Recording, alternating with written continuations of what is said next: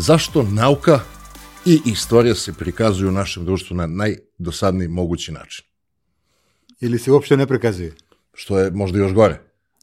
Pa u školi učimo istoriju na veoma dosadan način, a istorija je po meni najinteresantnija stvar ako se pristupi na pravi način. Čitajući tvoje knjige i pričajući sa tobom, pratići da, da. tweetove i pomalo baveći se na sličan način istorijom, ukapirao sam da je samo problem u uglu gledanja. Prvo i osnovno je uopšte i generalno istorija spada u deo nauke. I uopšte nauka i obrazovanje i uopšte kultura se slabo, slabo, ne samo da se slabo crpi i emituje, već se slabo i upije u narodu.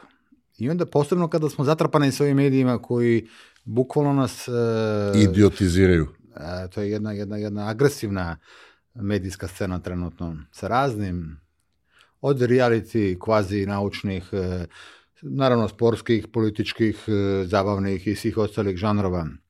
Nema mesta za nauku, kulturu, obrazovanje i umetnost. I onda kada i ono malo ima mesta, i ako se to malo mesta potroši u neku klasičnu, onu običnu formu, to ne dolazi do naroda, to ne dolazi do ljudi, posebno ne dolazi do onih koji bi trebali da se malo uzdignu, usavrše, I zato smo se mi, ja lično, opredelili smo se za jedan način edukacije obrazovanja naroda kroz malo popularistički, odnosno malo sa dozom senz- senzacionalizma. Jer iako ja nisam pristalica lično senzacionalizma i ne volim te vesti takve, ali m, izgubio bi bitku da možda naša vest... U bur informacija bitna i dragocena vest. Jeste ostane nevidljiva. I onda smo primenili taj jedan način, malo nijansu senzacionalizma i naravno opuštenog rečnika koji može svako da razume i da ga zaintrigira da on nastavi da odsluša tih 30 sekundi. Mi samo tražimo 30 sekundi pažnje, mi ne tražimo sat, dva, pet, jer ako ih u 30 sekundi zagolicamo, onda smo pobedili, možda će oni sami da nastave da istražuju. Naš razgovor će u pokušu imati sledeću strukturu. Da pričamo o divnom projektu koji je e, Srpska naučna televizija, koji je, da kažem, upgradeovan u Brains, da pričamo o tvoje četiri knjige, to je taj jedan segment, onda sledeći segment je e, tvoj, da kažem, taj biznis coaching, to što si od uvek se razume u biznis, deset godina bolje od gonjeg one, ove koji da. se razumeju. I ono kako si kao mali se zainteresuo za elektroniku korak po korak i da recimo krenem od onog tvog uh, Change is hard, kako si završavao sve svoje da. mailove. Stag, da. Stagnation is little, no little is... Um, je fatal. Is fatal. Promena je bolna, da bi gledalcima, da bi ovaj, našim dragim tvojim pratiocima da objasnili, moja filozofija da je da pro, promena jeste bolna, promena u načinu ponašanja, u načinju života, u učenju, u sistemu, u radu, u ophođenju prema ljudima, promene su strašno bolne, kada treba da se, posebno ako se menjate e, radikalno, u smislu s leve na desnu, s desne na levu, jer e, život savremen traži nekada i takve promene. Ali je stagnacija, ako ostanete da stagnirate, to je fatalno. Reci mi, Srpska naučna televizija, jedan divan projekat, sam imao sreću da pratim od, od samog početka, da. možda ne od ono kad ste... I da pomogneš. I, da, pa dobro, hvala. Ovo, ovaj, e, da, a, e, na samom početku ste iznajmili onaj stan, kad ste snimali maltene kod Đenka, pa si ono uh, e, bootstrapovao sobstvenim sredstvima i energijom, kad si motivisao ljude da se uključe.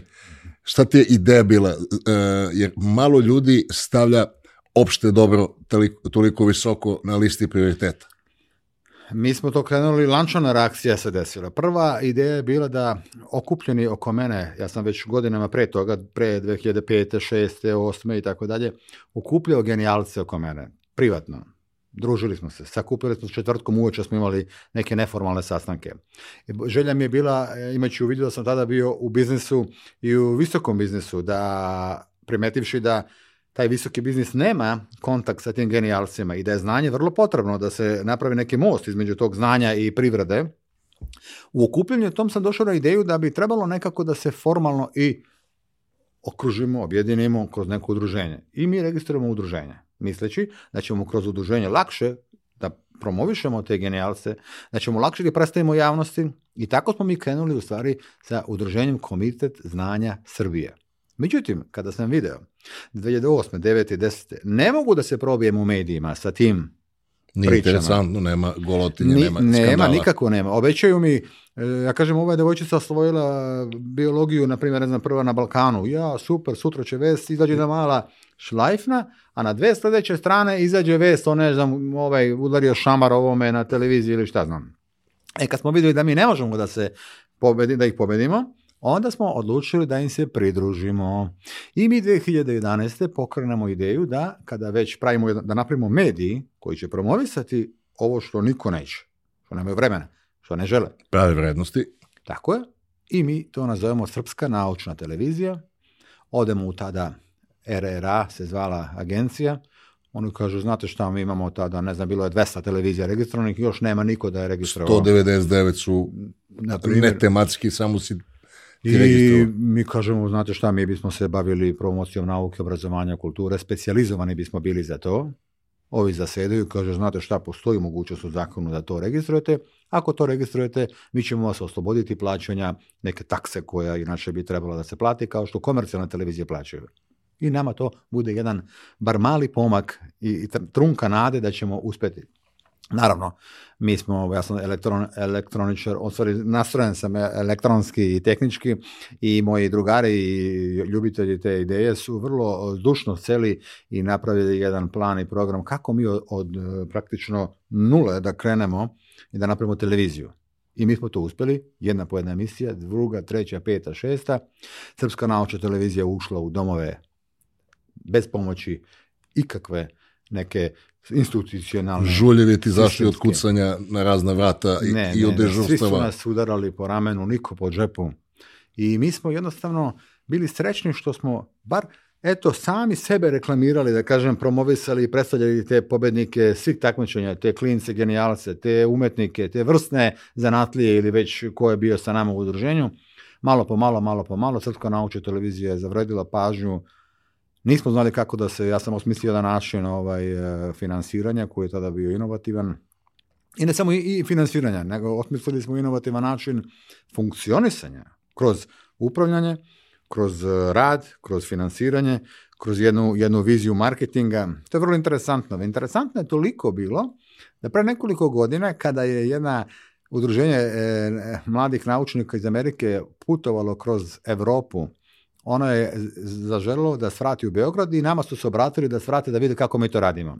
Ja sam ih dočekao, vodio na Rena ručak, vodio ih u našu televiziju, objasnio im, pokazao sve i to je prošlo. Posle dva, tri meseca iz Amerike, iz te e, univerzitete, ja sad Arizona ili ne znam kako, odakle ovaj, mi stiže mail da bi jedan magistar nauka, žena, devojka jedna koja je bila magistar nauka, žela da doktorira na temi da, na temi i da bude ovaj, sa posebnom obrađivanjem kako je e, udruženje Komite znanja Srbije napravilo naučnu Znači, vaš projekat je tema za doktorat da. na jednom od veoma prestižnih univerziteta. Da. To je, to je bilo neverovatno. E, e, ali kažem, ta inovativnost koju smo uneli, kroz taj e, rad gde su volonteri se priključivali, a konkurisanje na, o, na javne pozivi, konkurse gde smo projekte prikazivali, ako pobedimo, onda oni više nisu volonteri nego su honorarci, Ja nisam mogao da obezbedim... Samo finansirajući da. delovično i prećutiš koliko muke si dao svojih velike, Muke su bile velike, nema gde nismo obilazili, kukali, ne kukali, nego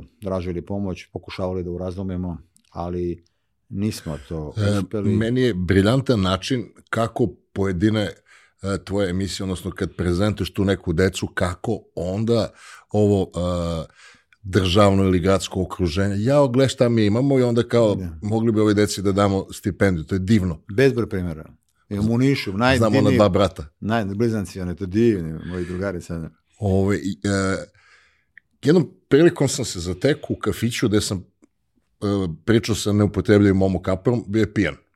Mislim, što nije teško Momo, pijan, da. Momo Kaper u 11 uveče, nije to nešto dramatično. A, nisam znao što je u Nišu, a i nismo se nešto detaljno razumeli. Onda je izašao intervju njegov u Narodnim novinama u Niškim, ono na dve, tri strane, nastavna strana, i po deset se da pijemo kafu ponovo u Nišu sutra. Tako da. I kaže, znaš šta, kaže, ne volim da dajem intervjue, ovaj, uh, danima posle pričam sam sa sobom šta sam hteo da kažem. Aha. A, smatram da je vrhunac um, evolucije muškarca ne da reši, nego da izbegne problem.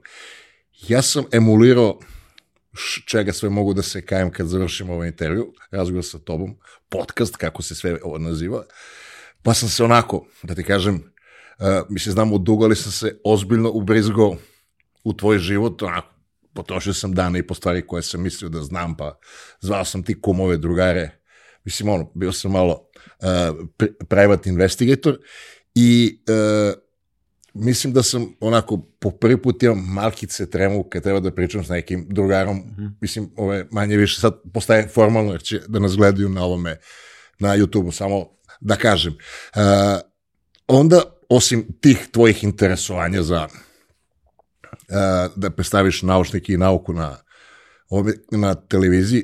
Vi ste to posle skalirali i to se sada zove Brains, da bi bilo lakše prepoznatljivo. Da.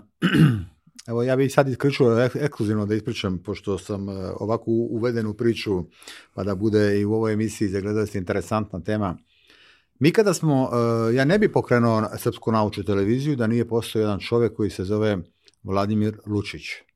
On je tada bio šef u Telekomu. Na jednu ručku, moj drugar prijatelj, na jednu ručku on je rekao meni, Žiko, kad si već mlatiš sa tim ljudima, tvojim genijalcima, što ne napraviš jedan mediji i da ti to promovišeš? On nije ni završio rečenicu. Ja sam već vidio, imao sliku toga, jer mi preduzetnici to vrlo brzo sklapamo te koskice. Ja sam odmah znao šta ja hoću. Vlada Lučić je tada nas pomogao i dao nam e, uslov da uđemo u Telekom Srbiju tada i Srpska naučna televizija se počela emitovati u Telekom Srbiji. Međutim, vrlo brzo, devet meseci nakon toga 2012. kada je dolazi do ovaj, pomeranja i dolazi novo rukovodstvo u Telekomu Srbije. Koje ne vidi vrednost? Na mesto direktora dolazi gospodin Čulibrk koji nakon nekoliko meseci mene poziva i kaže da od 180 televizija koliko se emituje u Telekomu, Mi smo na 90. mestu, što je meni e, bilo vrlo impozantno, jer nisam do tad znao ni gde sam, ni šta sam, niti smo jurili mi e, rating da gledamo, da, da pratimo. Teško imati rating sa naukom. Jer je teško imati sad, Ali kad sam čuo da sam na sredini negde, to je bilo divno. Za nas klince koji smo o, mislim, nema, od nule krenuli da mi budemo bolji od, ne znam, ja sam bio dužan, on kaže, ali mi nemamo, i sad oni su nama davali mesečno, uh, ja pa sad ovako iz glave pričam, negde oko 5000 evra sa kojima smo mi krenuli tih prvih 8 meseci da kupimo kameru, jer to je sve skupo, mikrofon, kablovi, kaže, mi želimo da vas izbacimo iz, tele, iz uh, sistema, i to vi nama ne trebate i to je to. I taj dan je bio šokantan za mene i za mog kolegu koji je bio na sastanku gde smo mi njega praktično na kolanima molili da nas makar ostavi u sistemu bez ikakve nadoknade, bez ništa, e, bez i, i, i dinara da nam daje. Samo da nas ostavi jer sam znao ako nas izbaci iz sistema mi ćemo biti nevidljivi, mi ne, nećemo moći ništa da uradimo dalje. On je malo razmišljao, razmišljao i rekao, ok, ostaću, ostavit ću vas ovaj, u sistemu, i to je bila 2013. godina. Bez dinara, na pola projekta razvijenog, mi smo imali do tada kupljeno tri kamere, tri mikrofona, ne znam sad e, ovako pričam, to su skupi u, u sistemi, playeri, ljudi, softveri, razni uređaji koji vam e, prebacuju to na emitovanje, mi smo to sve sami morali da krpimo i da, da, ovaj, da pravimo.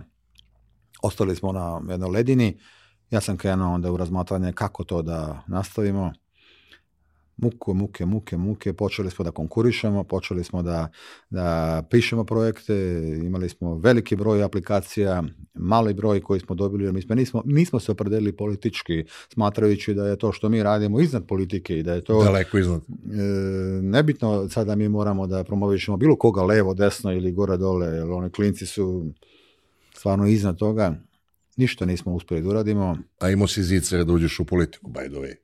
Pa, e, mogao sam uvek, ali smatram da ovo što mi radimo i što ja radim je stvarno e, vredno pažnje završavam ovu, ovu pričicu interesantno. Zbog, zašto? Zato što kada smo došli do, iz, do iznemoglosti 2017. 18. kada sam hteo da dignem ruke više jer nisam znao ni na koji način istrošio sam i energije i svoja sredstva i žena tela da me izbaci iz kuće e, to je jedna agonija opšta bio si ko maltene narkoman u kući samo se izlačio iz kuće da finansiraš. To da, je za ljude koji ne razumeju što kad gajite bebu u biznisu. Sada e, vi morate da presečete da to što ste investirali, ulagali toliko energiju da morate da ili da odstranite, da krenete jedan novi put ili ćete još male nadu imati da... Digresija kad sam pravio svoj softver, e, ženi i deca su smatrali kad sam prodao stan da bi finansirao, da bi bootstrapovao, stan koji sam sledio od oca, hteli su da apliciraju da Mirsu da uzme poslovnu sposobnost. E, pa eto, to... Znam za osjećaj. Tako da taj osjećaj je vrlo čudan. Ljudi ne mogu da razumiju obični građani ako se ne bave biznisom. I ja sam u onom trenutku došao na, na ivicu da to ovaj, e, ugasim i onda sam pomislio reko, da poklonim. Poklanjam televiziju. Ja sam uh, pokušao da poklonim Beogradskom univerzitetu. Televiziju. Nisu razumeli i sam smatrao da Beogradskim univerzitetima 31 fakultet je e, članica e, tog univerziteta, da svako da da po 100 evra e, mesečno od tog fakulteta, jer 100 evra nije ništa, imali bi 3100 evra, otprilike bi ja za tim, sa tim parama mogao da uklopim osnovi neki rad da ta televizija nastavi, da promovišemo Univerzitet Beogradski, možda bismo na šangarski listi bili još bolji, pa bismo onda niški, pa ne znam ovaj, ne znam onaj nisu imali ih. Onda sam otišao u FON, na FON, ovaj, fakultet organizacijona nauka, koji je takođe bio jedan od e, i danas je verovatno ekonomski situiraniji u odnosu na... I inkubator dobrih ideja. I inkubator dobrih ideja, da pokušam da njima, oni ne, ne, nikako to nije bilo ovaj, poželjno, nije bilo interesantno. Ja sam otišao kući i rekao, gotovo, to je to, nema potrebe više da gađamo. Sutra dan, kao grom iz vedra neba, dobio sam poziv, gospodin Dragan Šolak, kaže, Žiko, mi pratimo šta vi radite, Da li biste vi želi da mi pomognemo i da napravimo šta vi želite i kako zamislite i kako hoćete? Ja sam mislio da je to nekoj moje ekipe... Me, da te zezuju. Da, da me da skrivena kamera, da je moguće. Ja sam otišao, oni su rekli šta vi želite. Ja sam domaćinski napisao da bi želeo da me izbace u etar van, Evro, van uh, Srbije, u Evropu, da pokušamo na satelit idemo, da pokušamo u stra, ex Jugoslovenske republike da me ubace. Želeo sam da rebrandiramo taj kanal, da se naši generalci sada vide i u drugim zemljama. Napisao sam domaćinski spisak, sve što sam tražio, dobio sam. Preko noći. Rekli su, idemo u to. I to je bilo, to je nit koja spaja. Dolazimo na, na, na, na početak biće. Sada e, Vladimir Lučić, moj prijatelj, je direktor Telekoma Srbije. Da nije bilo njega, ja ne bi pokrenuo, mi ne bismo imali Srbija ne bi imala taj kanal. Da nije bilo Dragana Šolaka, mi ne bismo nastavili, ne bismo usavršili, ne bismo imali i dalje jedini kanal koji se bavi promocijom obrazovanja, nauke, umetnosti i kulture u Srbiji. Jedini. To možete progledati i na spisku REMA koji daje i dalje dozvole i mi smo jedina dozvola za to. Neko oni što bili kao deči kanal pa su ovaj, napravili... Da, ne, ne, toga nema. nema ja, oni me pitaju, Žiko, se pojiš konkurencije, pa ja čekam konkurenciju. Tebi bi odgovaralo?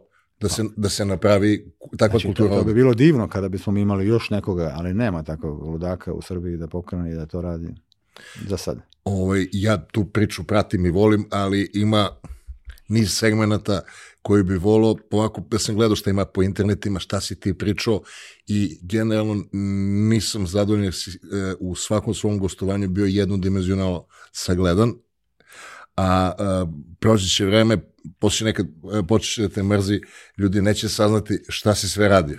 Ajde da protrčimo ovo što, mislim, tebi je dragoceno, ali imam u vidu da, da. svašta nešto da te pitam. A, ti čitaš mislim, ja čitam, ali ti čitaš ono 8 da. sati dnevno i sviđa mi se da si jednom prilikom rekao da žene i čerke prave se da si normalan. Mm -hmm. Tako se ponašaju prema meni. znači, da, čito, da. Ovaj, e, e, reci mi, kako si ušao tu priču s istorijom? Ti si napisao e, četiri odlične knjige, mhm. sve četiri imam, dve sam čitao. Ovo mi, jer ja kupujem jako mhm. puno knjige, baš kad mogu te pozovem telefonom, ne mogu ti baš čitam celu knjigu dok, da, da, da, ba, dobro. kad imam tu privilegiju. Kako se, e, da objasnim u publici, tebi radila, rodila ta fascinacija i šta je bio Beograd top između dva rata? Ljudi ne znaju da je Beograd bio Las Vegas Evrope, da je Beograd bio najjači grad. Ba, ima priča, ima takve primjera još o, u mom istraživanju. E, zainteresovanost i jednostavno ogromna, ogromna želja za znanjem i saznanjem. Ne samo u oblasti istorije i istraživanja događaja koji su mene interesantni, ja ovo sve što radim, radim ono što je meni interesantno. Nikad nisam radio nešto što... I komercijno, da. da. dobio nalog da radim, pa, a meni da nije interesantno. Ta ogromna želja za saznanjem me je vukla, ne samo kažem u istraživanje, već i u razne e, hobije, i u razne e, nauke, i u razna neka dešavanja, i neke veštine, i tako dalje. Ali evo kad smo već dotakli istraživanjem, od, od kad znam za sebe sakupljam priče, gledam, pitam, slušam, nešto piskaram, zapisujem, gledam, gde mogu nešto čaprkam. Nikada to nisam ja radio sa željom da jednoga dana objavim knjigu. To je došlo ovako... Lično znati želja. Vrlo slučajno. Uz pomoć Lagune moram da pohvalim i da priznam i odam njima ovaj, zahvalnost i priznanje, jer su primetili neke moje pričice na internetu koje sam onako za svoju dušu objavljivo i za te moje drugare, prijatelje Pa onda je tako došla ideja da ajde da je te tvoje pričice ako ih imaš više, ja kažem imam i koliko hoćete, mislim ja ih kupljam godinama, pa ajde da napravimo jednu. Ja sam... I tako smo ušli u to. Često sam u ovome, u, u knjižarama. Da li ovaj, konglomerat oko lagune, da li ovaj oko vulkana, mislim, to su da. da dve glavne i kad ono gledam i pratim kako se, znaš, kao... Uh, kad imaš onu mapu istorije sveta, pa kad je ono, kad se mrda, gledam dete da knjiga, pojavi se ovde, pa se pojavi, pa mm. pa se pojavi gore, pa uđe nova knjiga, znaš, ono, pa pratim i, i radujem se što uh, ti si entry level za mnogu mladu ovu populaciju, koji nikad nisu čitali i onda čite ovo jako interesantno. Eto, Ja sam presjećan što je puno njih mi se javilo, kažu prvu knjigu smo e, dobili, dobili na poklon ili šta znam, i on je pročitao jednu pričicu i svidjelo mu se, lagano, nije uopšte neka drama da on mora sada 20 se... 20 minuta pre spavanja. Ma kakvi, pa da, naravno, i on, jo, pa ovo je lepo, čekaj da idem drugo, treći i on tako ušao. I to je to, ja sam pobedio, jer je želja moja bila da ako jedno dete ili čovjek ili osoba da uđe, da čita, da, počne da čita ja sam pobedio. To je to. Knjige su, uh, tvoje ti si napisao ako, iz moje perspektive, relativno brzo su se desile uh, prva i druga knjiga, pa mi nešto ono izmaklo iz ovoga i onda sam počeo ponovo da se bavim tobom Ratnih sunca, mogu da kažem da je tvoj... Trenutno. Da. Trenutno knjiga koja je ovaj, e, u, u prodaji, koja je, da kažemo, u nizu od četiri poslednja, a inače se sve četiri lepo kotiraju i dalje da, da, da, da, da. da. u prodaji. E, Ratnih sunca je posađena, ja sam iskoristio u priliku da ti poklonim donosim jednu ovaj, Ratnih sunca je knjiga koja je posvećena profesoru Branku Laloviću, našem e, čuvenom solaristi koji je bio nuklearni fizičar u institutu Boris Kidrić u Vinči. Pre svih. Divan, sjajan, genijalni um koji je ostavio dubog trag u nuklearnoj fizici. I toliko dubog trag sa profesorom Ajdačićem i njegovim kumom i ekipom koja tada radila, da su 10-20 godina citirali njegove radove, njihove radove, pardon, u fizici nuklearnoj. Oni su se bavili prvi merenjem, da kažemo sada, atoma, na, na tom atomskom nivou, još 60. godina. Ali profesor Lalović 70-ih kada je video i uvideo i sagledao da će e, svet upasti u jednu energetsku krizu, okreću se proučavanju alternativnim metodama i alternativnim izvorima energije, među prvima u Jugoslaviji, i okreću se posebno suncu. I tu je on ostavio još dublji trag, zato što je 80. godina prvi na svetu se setio da tada najnovi amorfni silicijum, materijal koji, se, koji je upravno Stav. pronađen, pomeša, stavi i od njega na parče aluminijuma napravi jednu solarnu e, ploču, odnosno so, Čelj. solarnu ćeliju koja je pokazala tada izuzetne, izuzetne za to vreme, za to vreme i, i to je osnova svih današnjih tehnologija. Svih danas.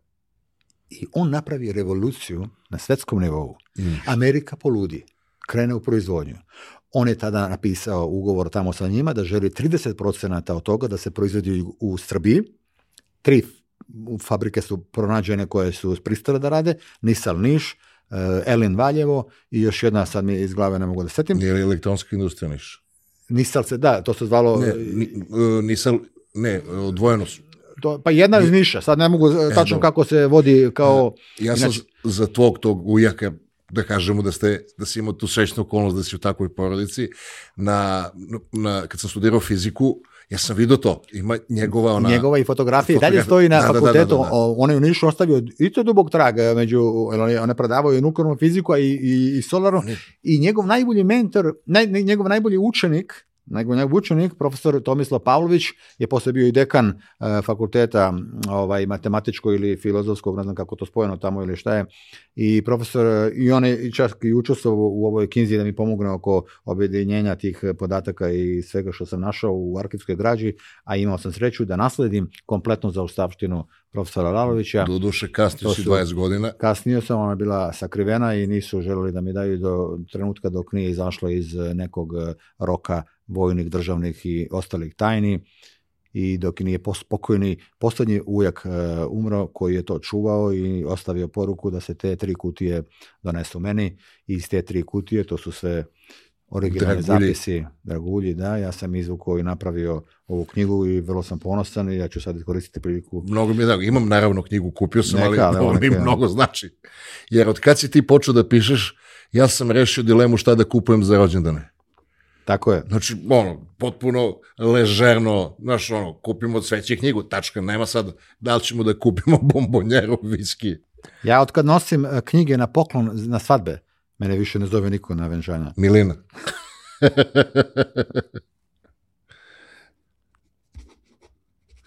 Danas je 20 i... Sedmi. Juče mi je Jovanu bio 24. rođena. Bravo, čestitam. Kao juče da se rodio. E, izvolite. Uvaženi Žiko puno hvala.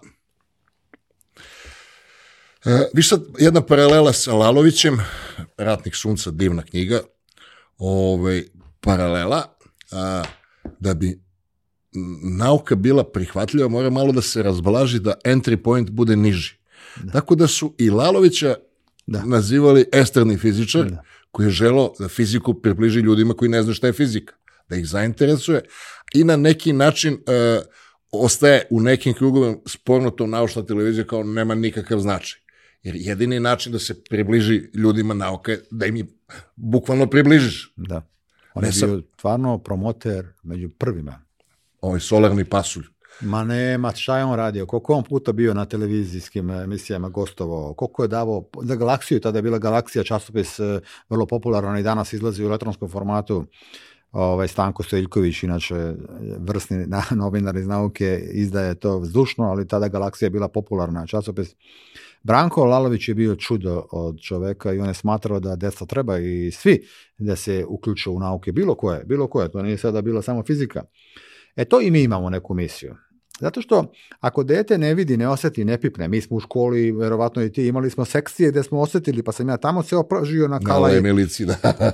pa sam video radio amateri šta rade u sedmom razredu, taj sedmi razred, šesti, sedmi, osmi, to je granica kada dete mora da se zarazi sa nekim crvićem. E, Mi to danas nemamo. Našao sam to negde i sviđa mi se kada prestane da traži zadovoljstva, kad traži svrhu. Znači, to je granica kad prestaješ da budeš dečko i postaješ, ono, ideš ka tome da, da budeš čovjek.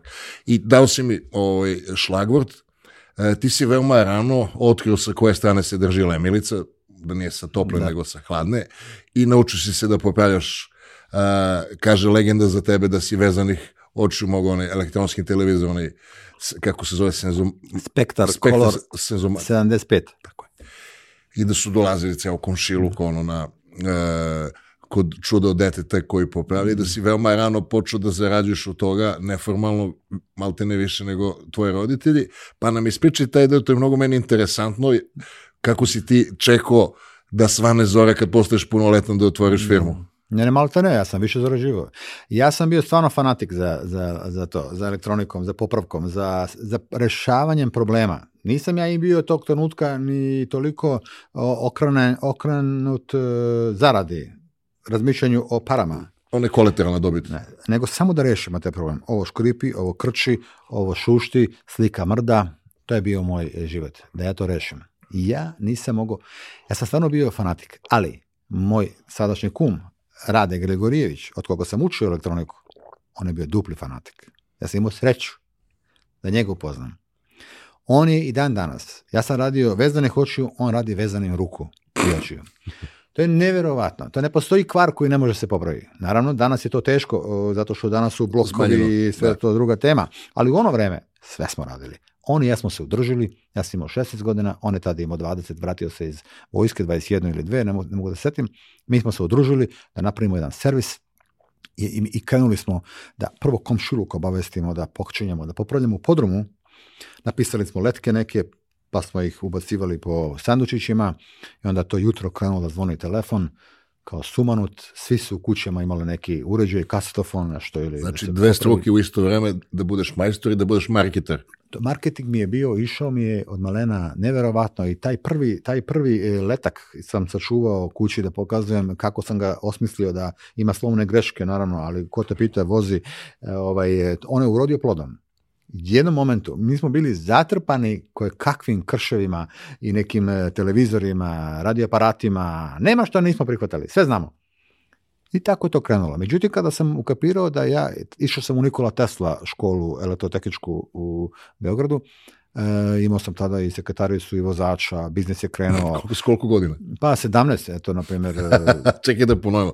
Sa 17 da, si da, da se da. osposobio da. imaš sekretaricu i pa, vozača. Pa, u prvoj godini srednje školi, kad je to, znači 15, 16, sad ne mogu ovako da... Ovaj, e, ne, ne, ne čekiram te, nego hoću da... Da, da, da, da nego da prva i druga, podvučem. pa da, već sekretarica obavezna. Odmah sekretarica, odmah vozač, ili ja nisam imao vozačku, trebalo mi je neko ko će da nas vozi do Nemačke, išli smo svaki vikend u, u Minhen. Peče nam to? To je obavezno bilo. Ni Rade, ni ja nemamo vozačku dozvolu, idemo u Minhen da kupujemo delove, Schiller štrasa se zove ulica, BG Elektronik, čuveni Željko Savić i dan danas živi zdrav, radi na Hilandaru i neke druge biznice. To je 86. godina. Da, 86. Ja sam 87. stavio me tata u voz da kupim a, XT, isto tu, pa da, kako se zove, sad se me podsjetio. Preko Ljubljane, preko... Tako je. Tako je. Mi smo išli kolima, uzimali smo renta kar, sećam se, i imali smo jednoga ko nas je vozio, imao je vozačku dozvolu, idemo petak, vraćamo se nedelju, kupujemo, to je bio naš cilj. U, Sve, u, u džakove, to su kupovali delići, ploče, to su se sra... to samo se kupovalo. I Međutim, onda je to je još prolazilo preko granice, niko nije razumeo šta je to, kakav je to krš lom neki Ali kada smo primetili da možemo da, u, da radimo još malo bolje, kvalitetnije i da taj je trenutak bio presudni da ja registrujem servis. Ali ne mogu da registrujem servis, nemam da 18 godina. To je bila drama. I oni su tražili da napunimo budem Formalno da budeš. punolatan. I da, ja sam 3. septembra ovaj, rođen i ja se sećam to, evo, to postoji u, u, dokumentima, vidi se da mi je do, dozvola data, na primjer sad 4. septembra, 5. ne Moram znam. Moraš i da podneseš. Bukvalno. Ja sam podno ranije, ali su očekali da i mi smo, ali i to je druga stvar interesantna, na toj dozvoli piše dozvoljava se Živojinu Petroviću da bude TV mehaničar, ja idem u Nikola Tesla, još nisam završio ili jesam, ne mogu setim sad, već treća godina u stvari jesam, završio sam prvu, prvu diplomu imaš posle treće. Malu diplomu. Da? da. A kaže, i to registrujemo to kao dopunsko zanimanje. A kao glavno zanimanje, džak. Fair enough. I sad ja sam kao ovamo džak, a ovamo sam dobro. I tako kreće biznis. Samo da bi razumeli, recimo, mladi ljudi koji ovo gledaju, e, ne u parama, nego u onim relativnim vrednostima, koliko si ti zarađivo to vreme odnosno na prosječnu platu? Imajući veće znanje od bilo koga u ekosistemu. Ako sad, je... možda, sad mogu da pričam, računam u glavi da li je istekao rok. Poljski. E, e, Šalim se, nego... Ništa, Ali, nema, nema, nema veze, nego znam samo trenutak da e, odlazim u vojsku, znači to je 18-19 godina, jel? Završio sam četvrti I razred. I kupiš voz da odeš do Sarajeva, tako? da, da, četvrti razred sam e, završio, odlazim u vojsku i mog pokojnog tozu oca, rade, ostaje u servisu, sekretarica, mi imali da smo im još dva radnika posle koja su došla da, da nam honorano, odnosno ja se sjećam samo da sam Tozi pokazao mom, inače to za stari kov, stara garda. E, Malte nemo neprijatno što si privatnik. Ma ne, on je, on čovjek, on, on je dobio dva ordena zlatna za rad, kad je dobio drugi orden ukapirao je da zakon dozvolja više da vrati drugi orden zlatni.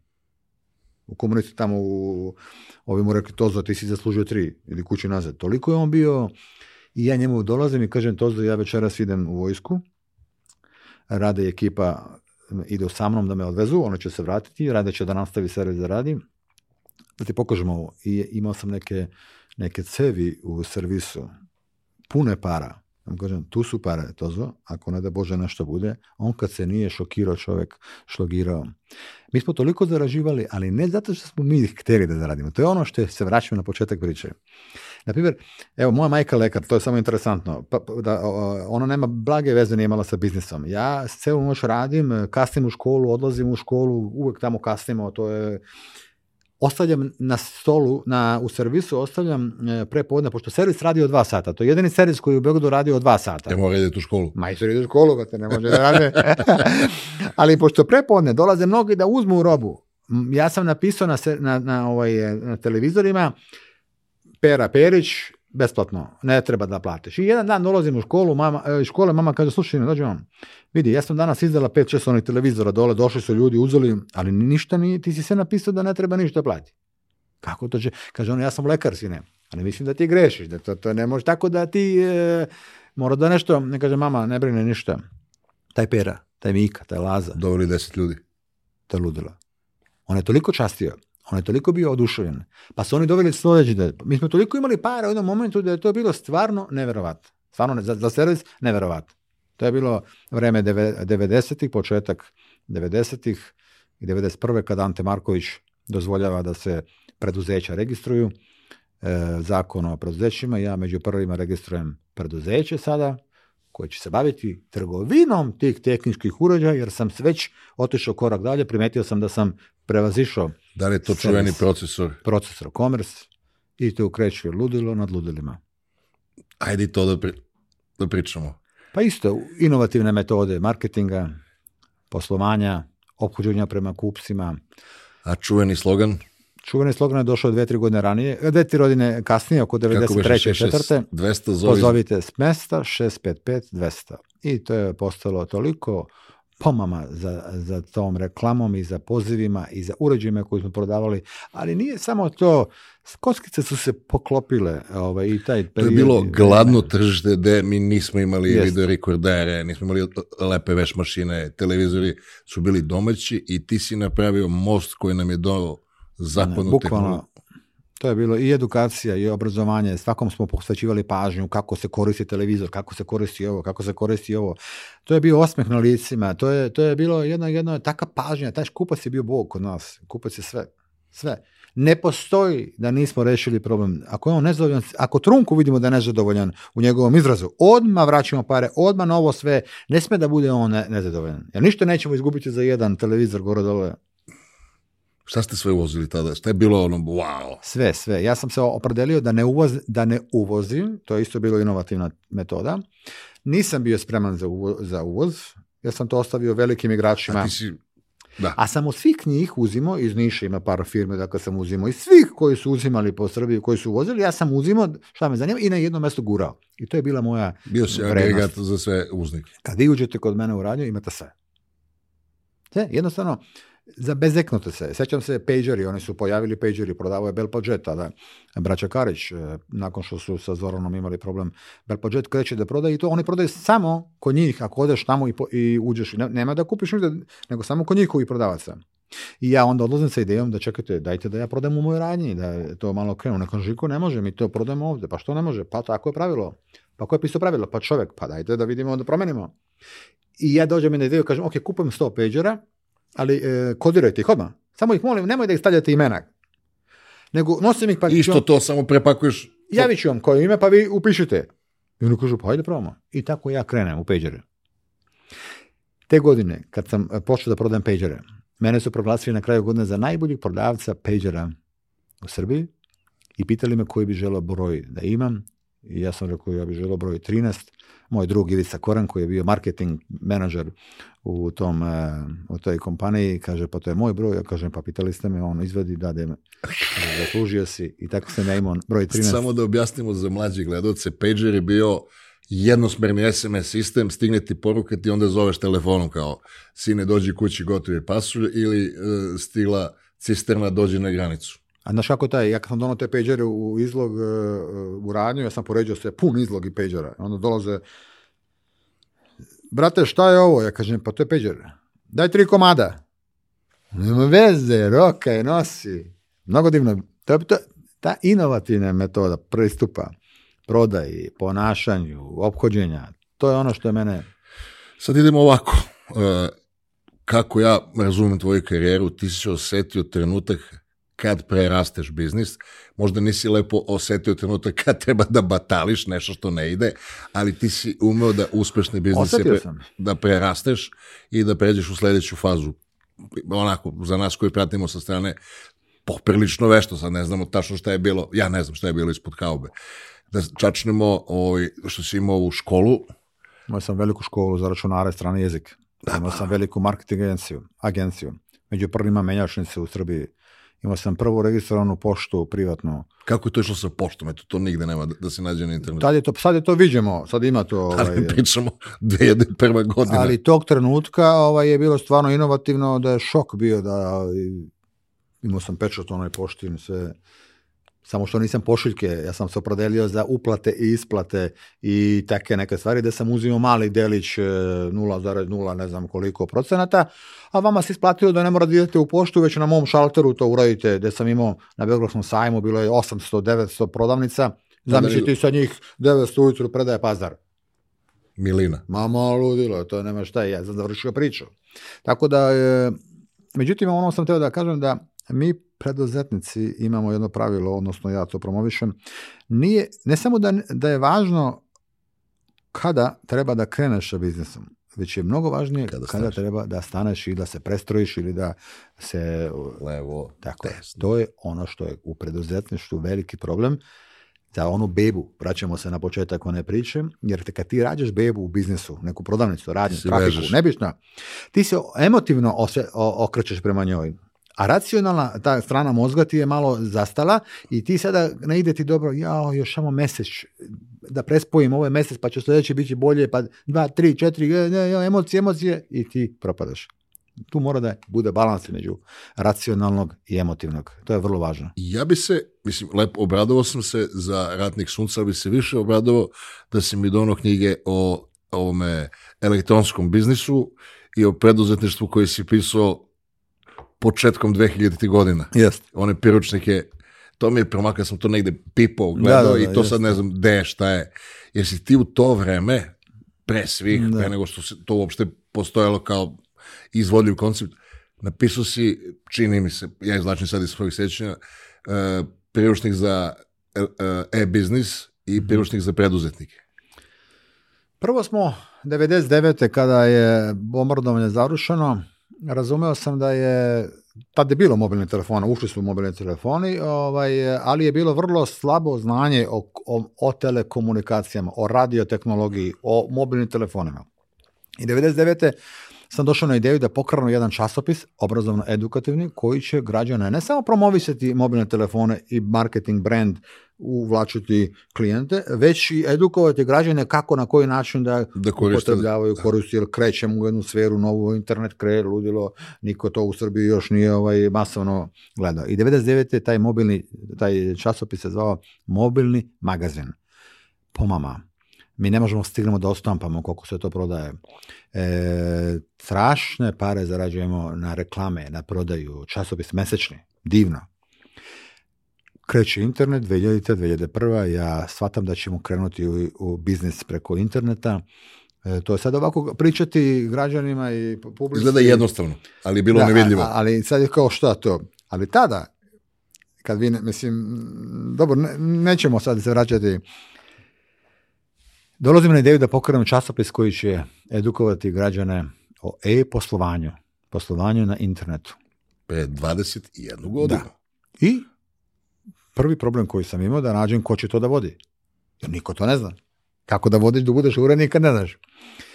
Ja sam sve koncept napravio, smislio, ali pošto imam više biznisa, ne mogu sad ja da budem urednik, jer moram neko da radi, mislim, to je logično. I sad ja krećem u potragu i nađem pokojnog Miloja Sekulića, čovjek je bio van tog stroja, uopšte on nije bio u tim vodama, on je radio CIP, eh, gde je pokojni Mrka, eh, Mrkonjić radio, ja mu kažem, eh, bi ti volao da mi pokrenemo to? On kaže, kako to? Pa ja kažem, dajde polako, vidjet ćeš što je to. I mi pokrenemo e-magazin.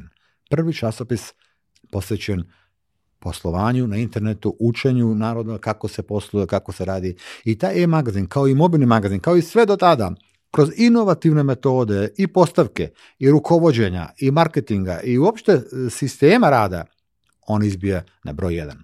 Gori sve, gori Srbija. Unutra 20 banaka se reklamira, traže se list više, cena se ne pita.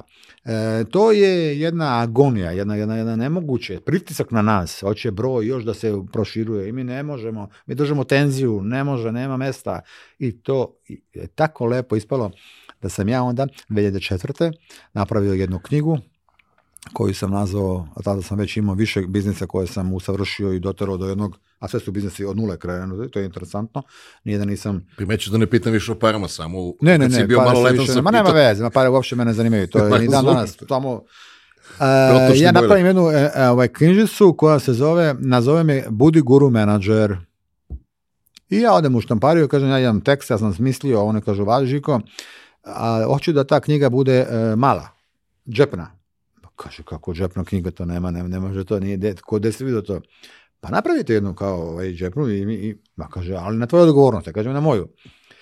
Pa šta će ti džepna knjiga? Ja kažem, a ne brinem. I mi napravimo džepnu knjigu Budi guru menadžer, koju sam ja odmah uspostavio i to je prva knjiga proda, koja se prodavala u C-marketu i, i, super, i ovim e, na kasama. Imate, prođeš na kasu dok čekaš da ti ona... Znači, to si izmislio. I oni stoje, šta je ovo knjiga? Daj dve, daj jednu, daj dve, na trafikama, daj jednu, u džep, u torbicu, vamo, tamo. I ja sam, ne znam, na primjer sada ovako iz glave, možda 30, 40, 50 hiljada tih knjiga, to je sačuje Bože i sakloni bilo. One nije mogu štampar da veruje šta radi i šta štampa i koliko štampa.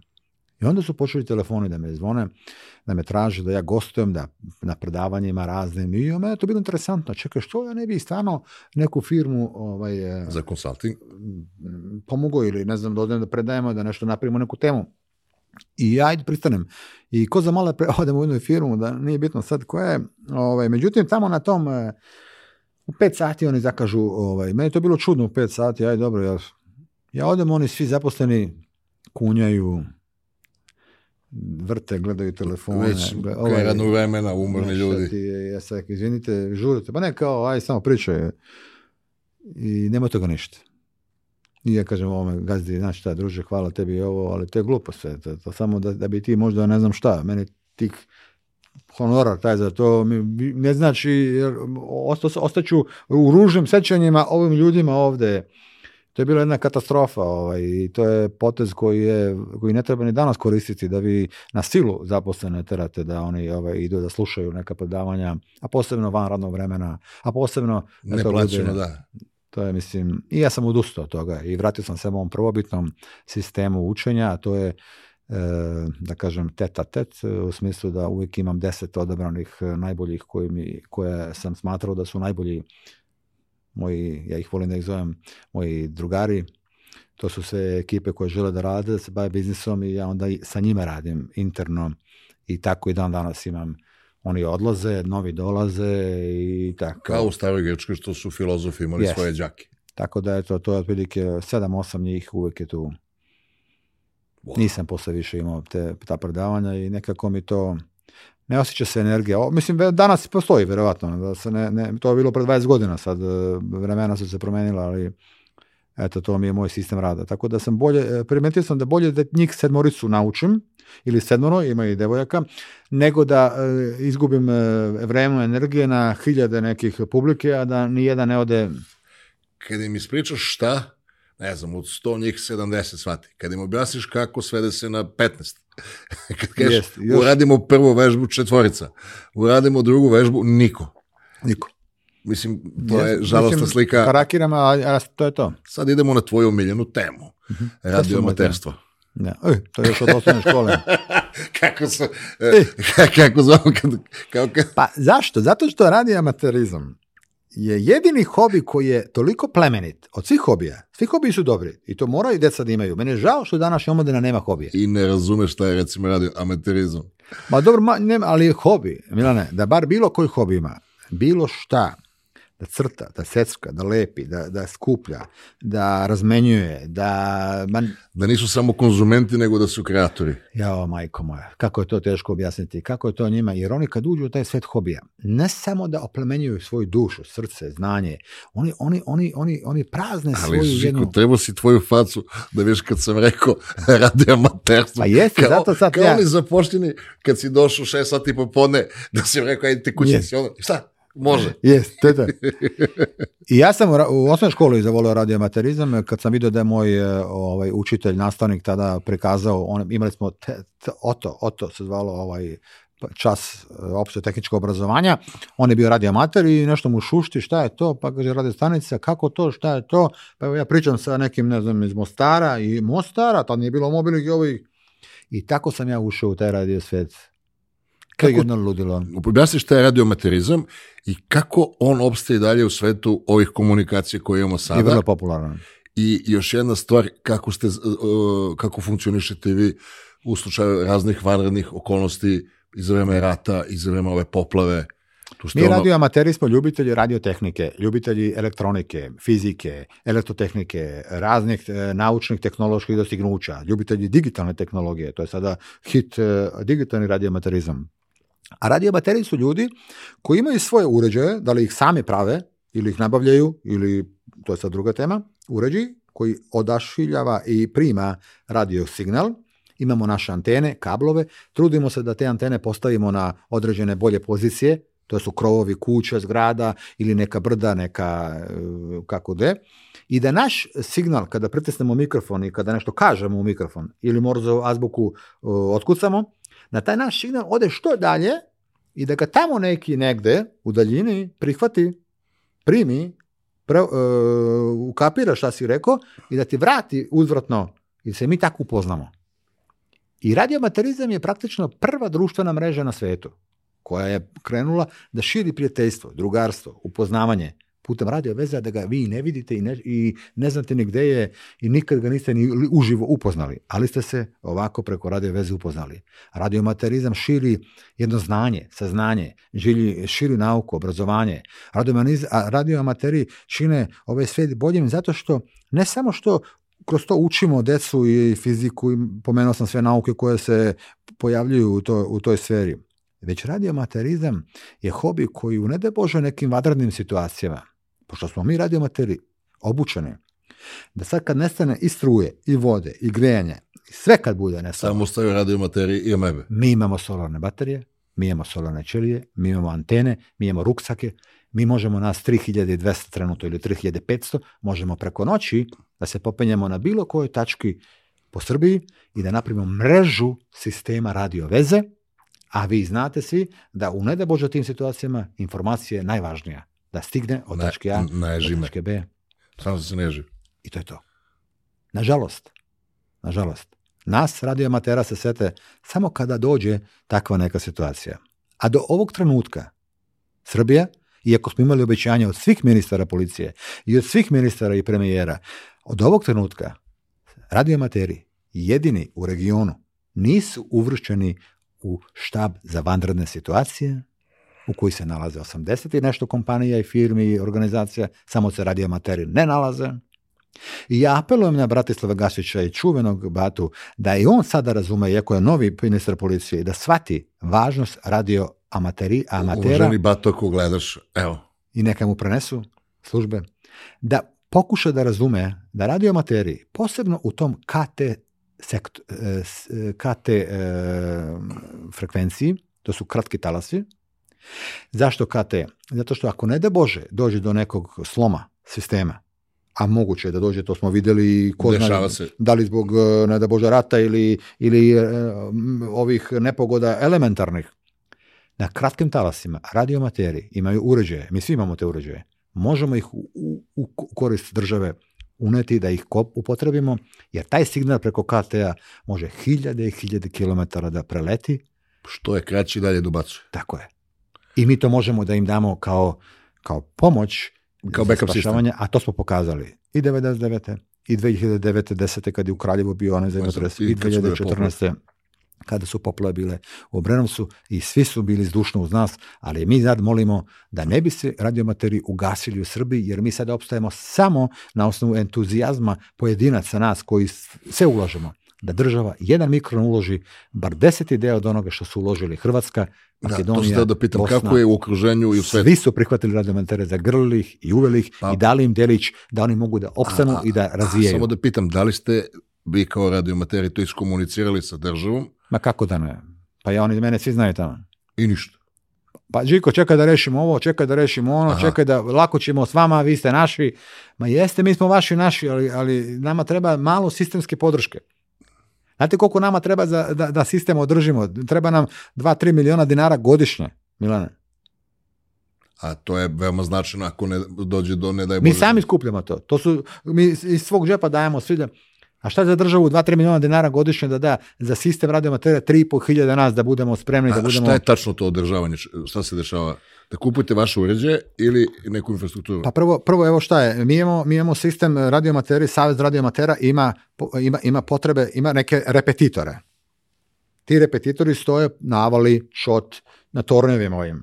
Oni nama naplaćuju struju, naplaćuju nam kao da smo mi... Komercijalni. Komercijalno I mi tu već gubimo, mi, mi za to skupimo svakog mjeseca pare da damo. Od svog džepa. Nema niko da nam daje, to mi sami.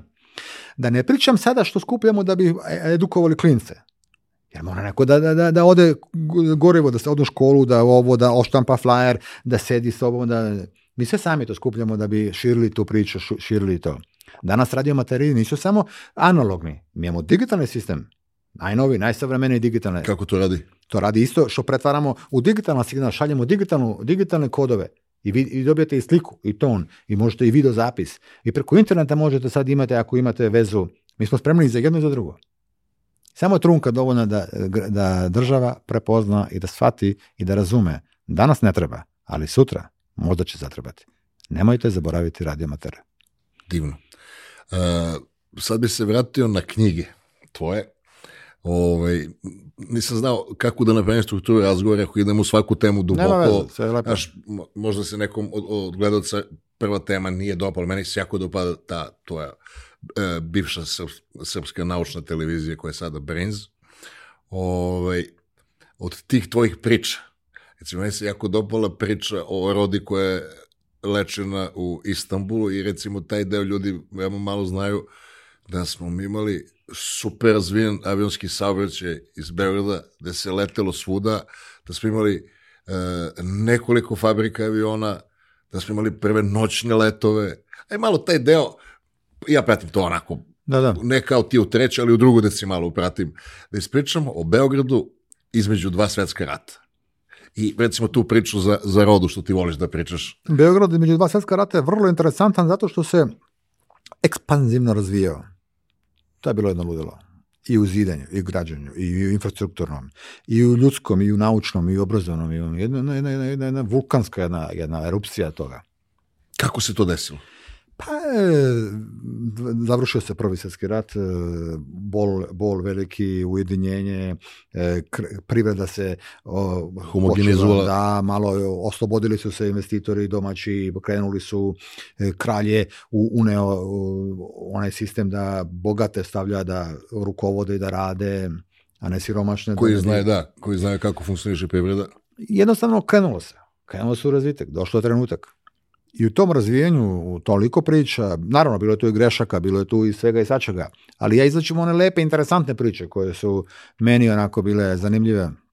A posebno ta prva, prvi aviotransport životinje koja je, koja, koja je povređena iz Beograda, 1900, sad ja ne mogu oko iz glave, ali 25. 36. ili 35. 33. Jes. 33. Tako nešto, oko 30. godine. Ne znam, nije, ali nije bitno, sad gore dole dve godine. Mi smo godinama kad smo obvezni da pamtimo detalje. Nema veze pa da, naravno, ja to ne, niti pamtim, ni brojeve, ništa. Ali ovaj, e, događaj je interesantan zato što prvo je u pitanju roda. Drugo, zato što su je našli na e, Savskom, Dunavskom e, kupalištu. To je bilo spektakularno čuvali građani. Avgust i septembar imali su još da je hrane povređena bila. Imali su žabe da hvataju da je hrane i to je sve. Kad su videli da više neće moći da je sačuvaju, pazite, čuvaju i rodu. Jedno. To je ipak danas, eh, i danas interesantno. Kamoli, oni se obraćaju predsedniku zaštite udruženja životinja, jednom gospodinu starom koji je tada imao i kancelariju u Beogradu, postojalo je eh, kancelarija za zaštitu životinja. Nema ni danas, ja ne znam da li ima. oni kažu... O kraljevini Da, oni kažu, izvinite, imamo rodu, on kaže, čekajte, gde je koja roda? On kaže, pa ne možemo mi ulazimo u zimu u Srbiju, nećemo moći da je ovde. Šta ćemo, kućemo? I on se obraća jednoj kompaniji koja kaže, mi danas imamo led za Istanbul, hitno, ako možete, pravite kavez neki, treba da bude dimenzija taj i taj, mi ćemo je odneti. I on brzo prave kavez. E, to je bila jedna ludilo e, da, da tenzija. Da da odvezu. Da se stigne do aerodroma, aerodrom je bio tada na Novom Beogradu, gde je sada Airport, Airport City. City. Uh, oni to ne tak tako odeš tamo se putovalo sat i po do, do, dva, do aerodroma, jer to nije bilo brzo da stignu na avion, oni odlaze, stižu, a, a, rodu pakuju u avion, odvoze, ona odleće na, u bolnicu na, u, ovaj, u Istanbul, on se vraća onako sav eh, potrašan od te situacije, uzbuđen, eh, seda u kancelariju u centru Beograda i seda na fotelju, dobija srčani udar i umire čovjek.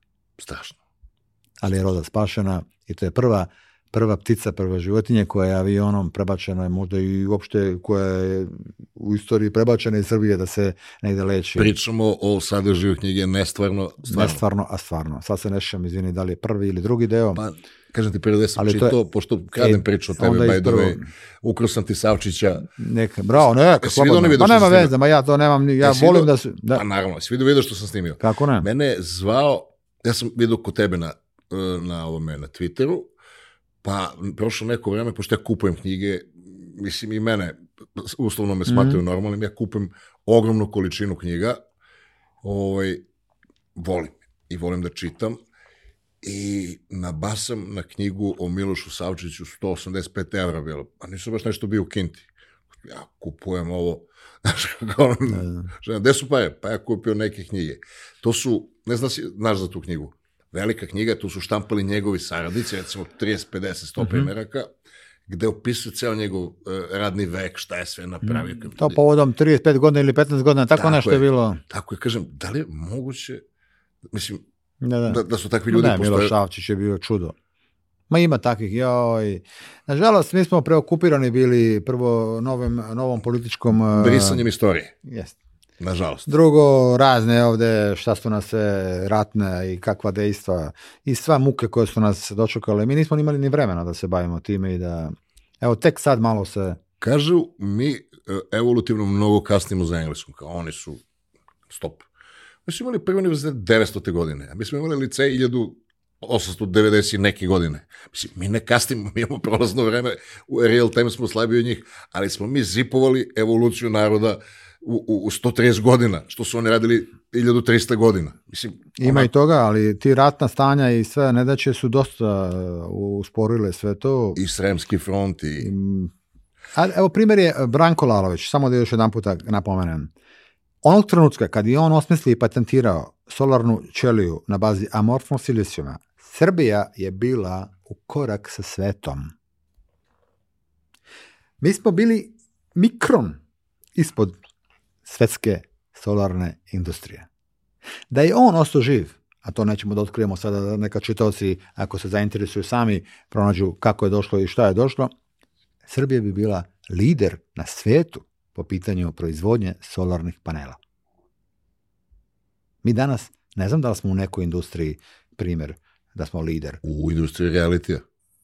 A pa to moguće, sad to nisam pratio, ali, ali pa ne, ovako. Nego televizor Moguće. Realite ali eto, to je, znači, hoću da kažem, može se, može se, ali nažalost to su pojedinci koji, koje mi nismo... Indukuju mi se neka pitanja, nešto će biti možda onako uh, nepopularno.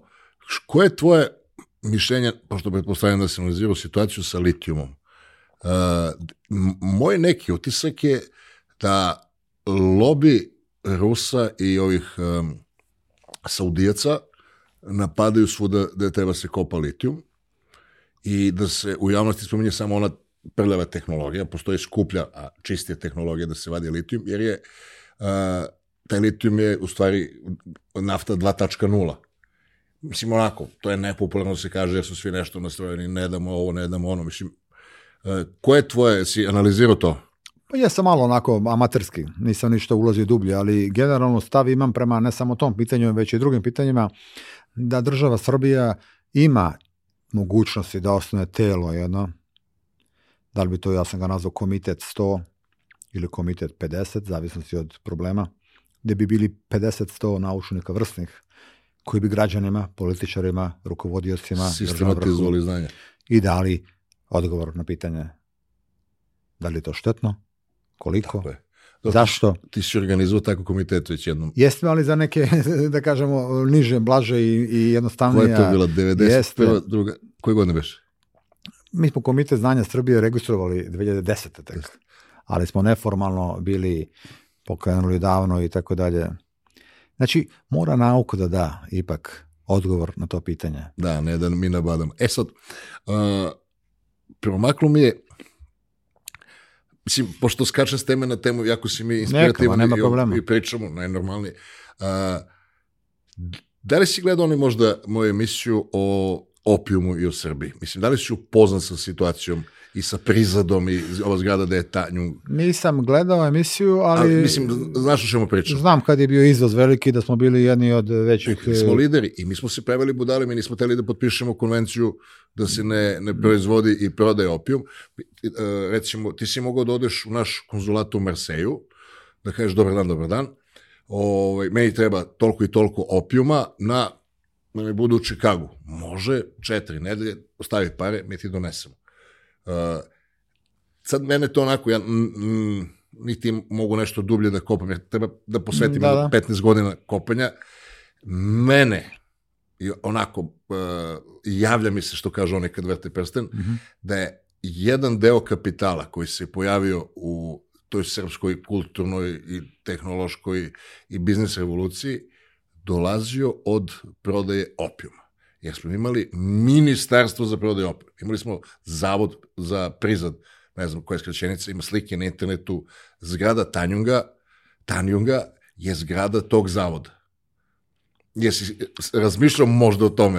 E, da bih sada o, o tome govorio, ipak bi trebalo da se malo vratimo i da pogledam analizu finansijsku tog trenutka, koja koliko industrija uticala i donosila Ja ne mogu iz glave to da kažem, ali znam da je Srbija tih godina bila vrlo, vrlo razvijena i u poljoprivredi. Imamo, imamo slučajeva da su naši poljoprivrednici bili zlatne medalje osvajali na svetskim i prve, na ovim takmičenjima, odnosno na tim izložbama, oni su to zvali izložbe, i u industriji posebno imali smo vrlo e, dobru industriju i ono što si pomenuo aviona i raznih drugih e, ne bih znao koliko je koja e, privredna grana. Interesantna je tema, samo sam je načao. Da, ali ovaj, e, mislim da su to sve zemlje radile i da su to, da je proizvodnja toga bila u okolini kod nas i da je to kao i duvan, pa u Beogradu se proizvodio duvan. Mi imamo ovde plantaže su bila duvana vrlo velike u Beogradu.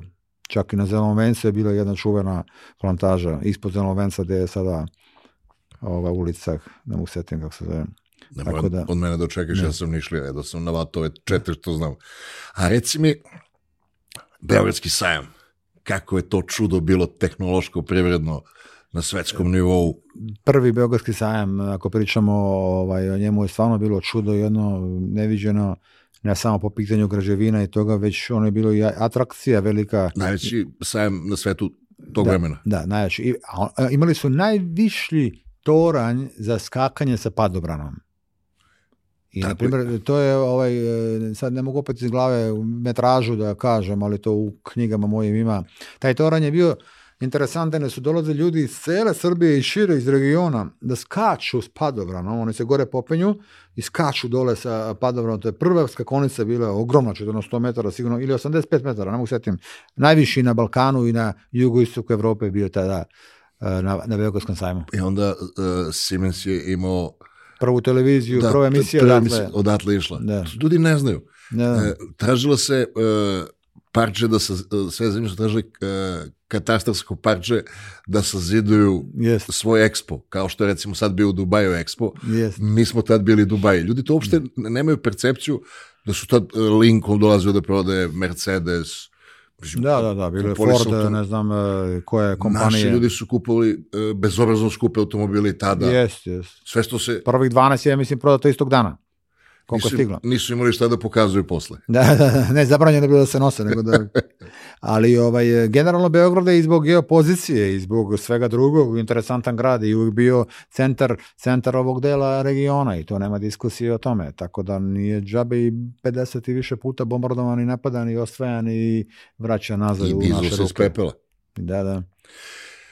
Hvala vam na pažnji, ovo je bio uh, Živojn Žika Petrović, jedan od 2 miliona, koliko si našao živojina da ima, ti voliš to da... Našao sam 24 malih živojina, živojina. do 14 godina starosti širom Srbije. Koje i... si pom...